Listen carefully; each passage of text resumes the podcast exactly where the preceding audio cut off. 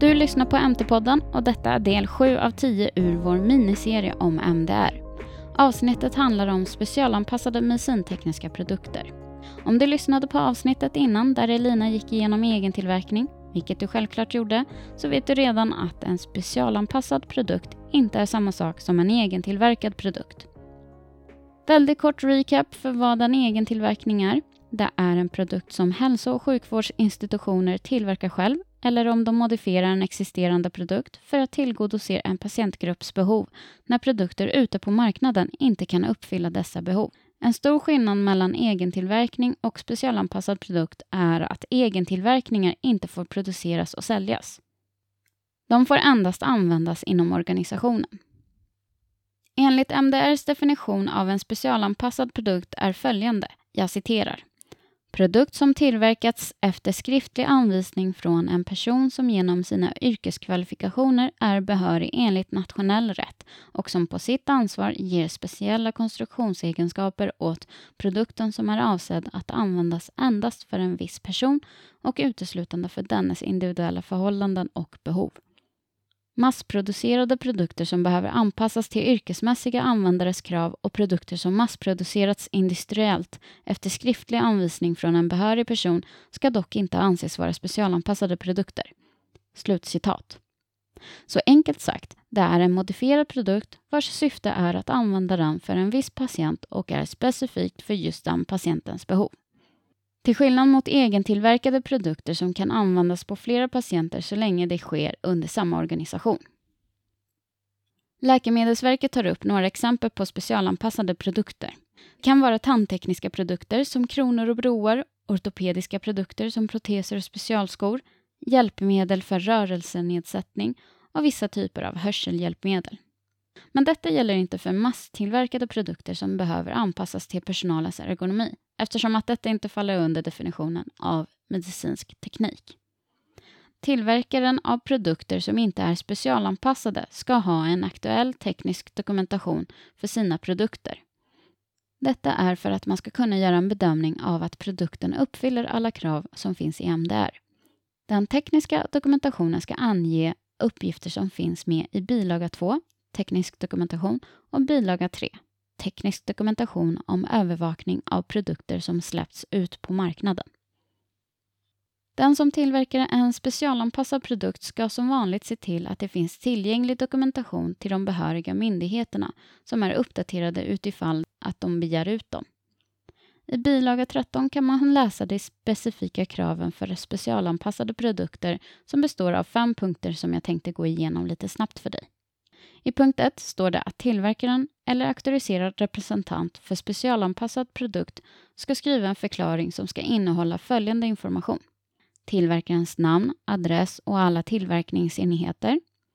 I vissa fall den auktoriserade representantens namn och adress. Information om produkten. En redogörelse för produktens syfte för den patient eller användare den är anpassad till och då måste patienten eller användaren identifieras genom namn, initialer eller specifik kod. Namnet på den kvalificerade personen som har skrivit anvisningarna för produkten och namnet på den berörda hälso och sjukvårdsinstitutionen.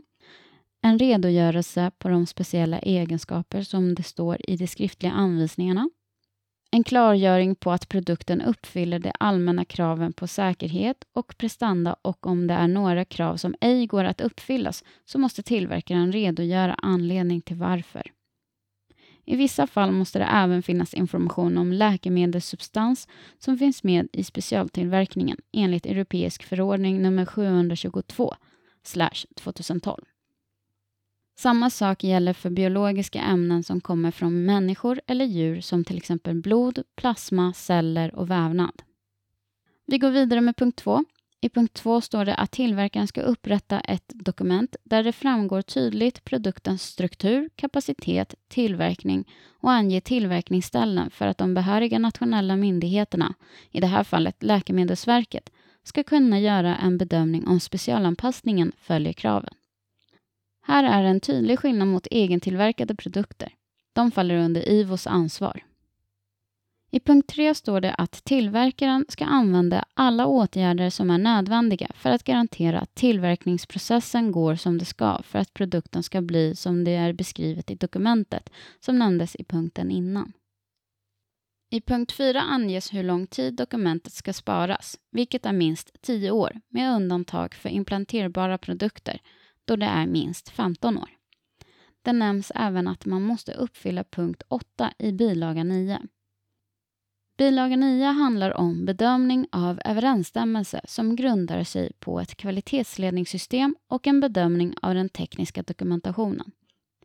Och punkt 8 säger att en tillverkare, inklusive tillverkare av specialanpassade produkter, ska säkerställa att viss dokumentation ska hållas tillgänglig för behöriga myndigheter, även om tillverkaren och auktoriserade representanten går i konkurs. Den dokumentation som detta gäller är bland annat följande. EU-försäkran om överensstämmelse. Mer om denna kommer du få höra när Johan berättar om denna i sista avsnittet i vår MDR-serie. Dokumentation om tillverkarens kvalitetsledningssystem. Information om väsentliga ändringar som tillverkaren anmält till sitt anmälda organ. Den information som fanns med i ansökan för bedömning av överensstämmelse inklusive den tekniska dokumentationen som avses i bilaga 2 och 3 och till slut de beslut och rapporter från det anmälda organet som avses i bilaga 9. Och sist men inte minst i punkt 5 står det om att tillverkaren ska dokumentera all klinisk erfarenhet och att tillverkaren har skyldighet att informera behöriga myndigheter om det sker avvikelser, tillbud eller säkerhetsåtgärder. En specialanpassad produkt behöver inte tillämpa UDI-systemet och ska inte ha CE-märkning. Enligt Läkemedelsverkets hemsida så krävs det även att tillverkare av specialanpassade produkter har en PRRC enligt kraven i artikel 15 i MDR, som du hörde Elina berätta i avsnitt nummer 5. På läkemedelsverket.se står det så här. Tillverkare och auktoriserade representanter enligt MDR måste ha minst en person med ansvar för att regelverket efterlevs, det vill säga PRRC. Det gäller även tillverkning av specialanpassade produkter. Du har lyssnat på MT-podden och detta var avsnitt 7 av 10 ur en miniserie som syftar till att introducera medicintekniker till MDR. MT-podden görs i samarbete med Lars Karlsson och Svensk medicinteknisk förening. Glöm inte att följa oss på LinkedIn och som vanligt kan du även mejla frågor och funderingar till nyfiken mtpodden.se.